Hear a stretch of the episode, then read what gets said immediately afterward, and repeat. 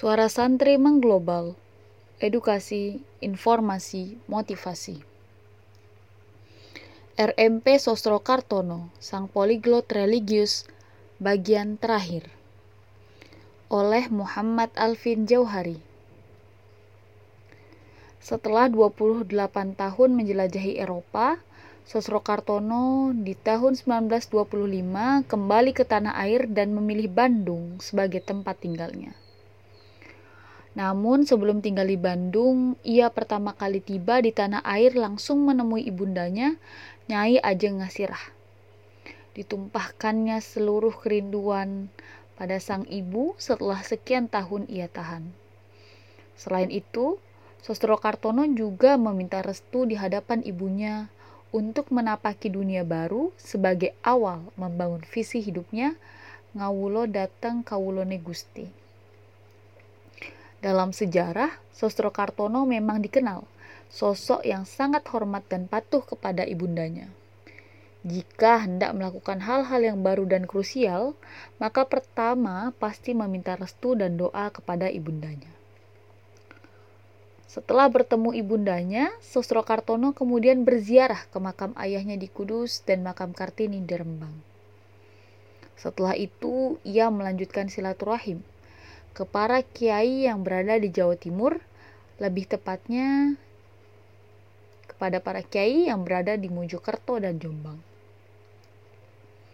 Kemudian Sosro Kartono memilih Bandung sebagai tempat tinggal karena di Bandunglah pusat pergerakan nasional. Ketika Belanda mengetahui Sosro Kartono telah kembali ke tanah air, maka ia dianggap sebagai ancaman bagi rezim kolonial Belanda. Sebab melihat track recordnya sewaktu di Belanda, ia tanpa henti-hentinya menyuruhkan pembelaan dan kemajuan masyarakat kolonial, apalagi di tanah air sendiri. Maka bisa dipastikan lebih garang. Oleh karena itu, semua gerak-geriknya selalu diawasi dan dipantau ketat oleh Belanda. Berbagai tawaran jabatan yang diberikan Belanda maupun Jepang yang tujuannya untuk menjinakkan Sosro Kartono secara terang-terangan ia tolak semua sebagai wujud idealisme, teguh pendirian akan anti-kolonialisme.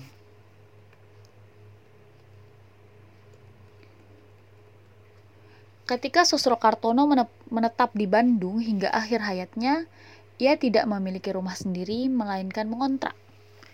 Di kontrakannya inilah ia membuka wisma atau padepokan untuk menolong dan mengabdi pada masyarakat dan bangsa.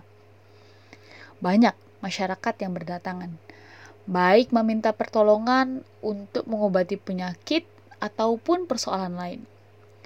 Ia memberikan pertolongan secara gratis kepada sesamanya yang tidak mampu dan menderita, utamanya dalam hal pengobatan. Dari pagi sampai malam hari, ia melayani dengan lapang hati.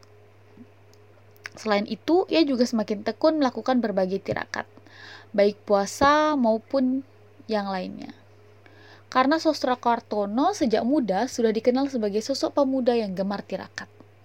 Ia sering melaksanakan puasa sunnah seperti ngerowot, mutih, dan sebagainya. Laku spiritual semakin ditingkatkan ketika ia hidup di Bandung, dan sebagai implikasinya adalah kepedulian sosial. Dalam melakukan pengobatan, biasanya Sosro Kartono menggunakan sarana air putih yang sudah dibacakan doa. Berkat kuasa Allah, sudah ribuan orang berhasil disembuhkannya dengan izin Allah. Penyakit yang secara medis sulit disembuhkan dengan meminum air putih yang dibacakan doa oleh Sostro Kartono bisa disembuhkan atas izin Allah. Selain itu, rumah yang dikenal dengan Darussalam ini juga digunakan untuk belajar dan mencari ilmu. Laku spiritual yang dilakukan Sosro Kartono merupakan wujud pengabdian kepada Allah yang Maha Kuasa dan dilanjutkan dengan perbuatan baik kepada sesama atau memberikan manfaat yang besar kepada sesamanya. Ia sering menahan lapar dan dahaga untuk ikut merasakan penderitaan kaum tidak mampu. Bahkan dalam kehidupan sehari-hari, ia menjauhi makanan-makanan enak. Ia hanya makan cabai saja tanpa ada yang lain ini dilakukannya tidak lain untuk ikut merasakan penderitaan sesama. Bisa dibayangkan seorang pangeran, anak bangsawan, yang memiliki kecerdasan, pengalaman Eropa yang beragam, tapi ia rela hidup dengan penuh kesederhanaan dan tirakat, menjauhi kemewahan dan kekayaan hidup. Ia lebih memilih mengabdikan diri dan menolong serta membantu sesama yang dilanda penderitaan. Dalam sejarah, kiprah Sosro Kartono dalam pergerakan nasional tidak lain adalah untuk mencapai Indonesia merdeka. Ia merupakan tokoh yang berperan penting dalam merintis kemerdekaan, meski ia sendiri tidak bersedia dicatat di halaman sejarah. Perjuangan yang ia lakukan sudah dimulai sejak ia masih di Belanda.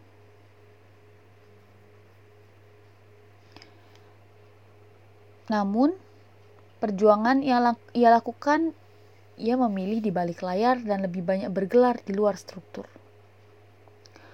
Barangkali ia memiliki, memiliki ini karena sangat ketatnya Belanda mengawasi dirinya dan seluruh aktivitasnya. Setiap hal yang dilakukan Susro Kartono yang berkaitan dengan perjuangan bangsa dan kaumnya akan selalu dibatasi dan diawasi oleh rezim kolonial. Ia juga sering didatangi oleh tokoh-tokoh pergerakan nasional. Bahkan sebelum menjelang kemerdekaan, ia juga salah satu dari empat ahli tasawuf yang ditemui oleh Soekarno, selain Hadratus Syekh Hasim Ash'ari, Kiai Haji Mu'ti Madiun, dan Syekh Musa Cianjur. Empat tokoh ahli tasawuf inilah yang memberikan masukan kepada Soekarno Hatta bahwa akan turun berkat dan rahmat Allah yang Maha Kuasa pada hari Jumat Legi 1364 Hijriah, yakni kemerdekaan Indonesia. Masukan mistik inilah yang mendorong Soekarno-Hatta untuk memproklamasikan kemerdekaan RI pada 17 Agustus 1945. Dan terbukti benar, dalam sejarahnya kemerdekaan RI jatuh pada Jumat Legi 17 Agustus 1945 bertepatan dengan 9 Ramadan 1364. Selain itu, dalam hal pendidikan, Susro Kartono telah banyak mendirikan perpustakaan untuk kemajuan dan kecerdasan anak-anak bumi putra. Ia juga pernah turut mengajar di taman siswa dan sekolah yang ada di Jakarta. Tanpa mengharapkan gaji, yang ia inginkan adalah kemajuan anak-anak bumi putra semata, sehingga nanti mampu memperjuangkan bangsa dari tekanan kolonial. Setelah sekian tahun menjalankan kehidupan yang diproyeksikan untuk bangsa, menolong dan membantu sesama, tanpa memandang ia miskin, kaya, etnisnya, hingga agama, pada Jumat Pahing tanggal 8 Februari 1952 pukul 11.50 di rumah kontrakannya di Bandung pada usia 75 tahun, Sostro Kartono kembali ke abadian dengan tenang kepergian untuk mengakhiri perjuangan dan pengabdiannya untuk kemanusiaan selama-lamanya. Atas permintaannya sebelum meninggal, Susro Kartono kemudian diterbangkan menggunakan pesawat milik Angkatan Udara RI untuk dimakamkan bersama keluarganya di Kompleks Pemakaman Sedomukti Kaliputu, Kudus, Jawa Tengah. Dalam hidupnya ia tidak pernah berkeluarga atau menikah sehingga ia tidak meninggalkan istri, anak, dan keturunan.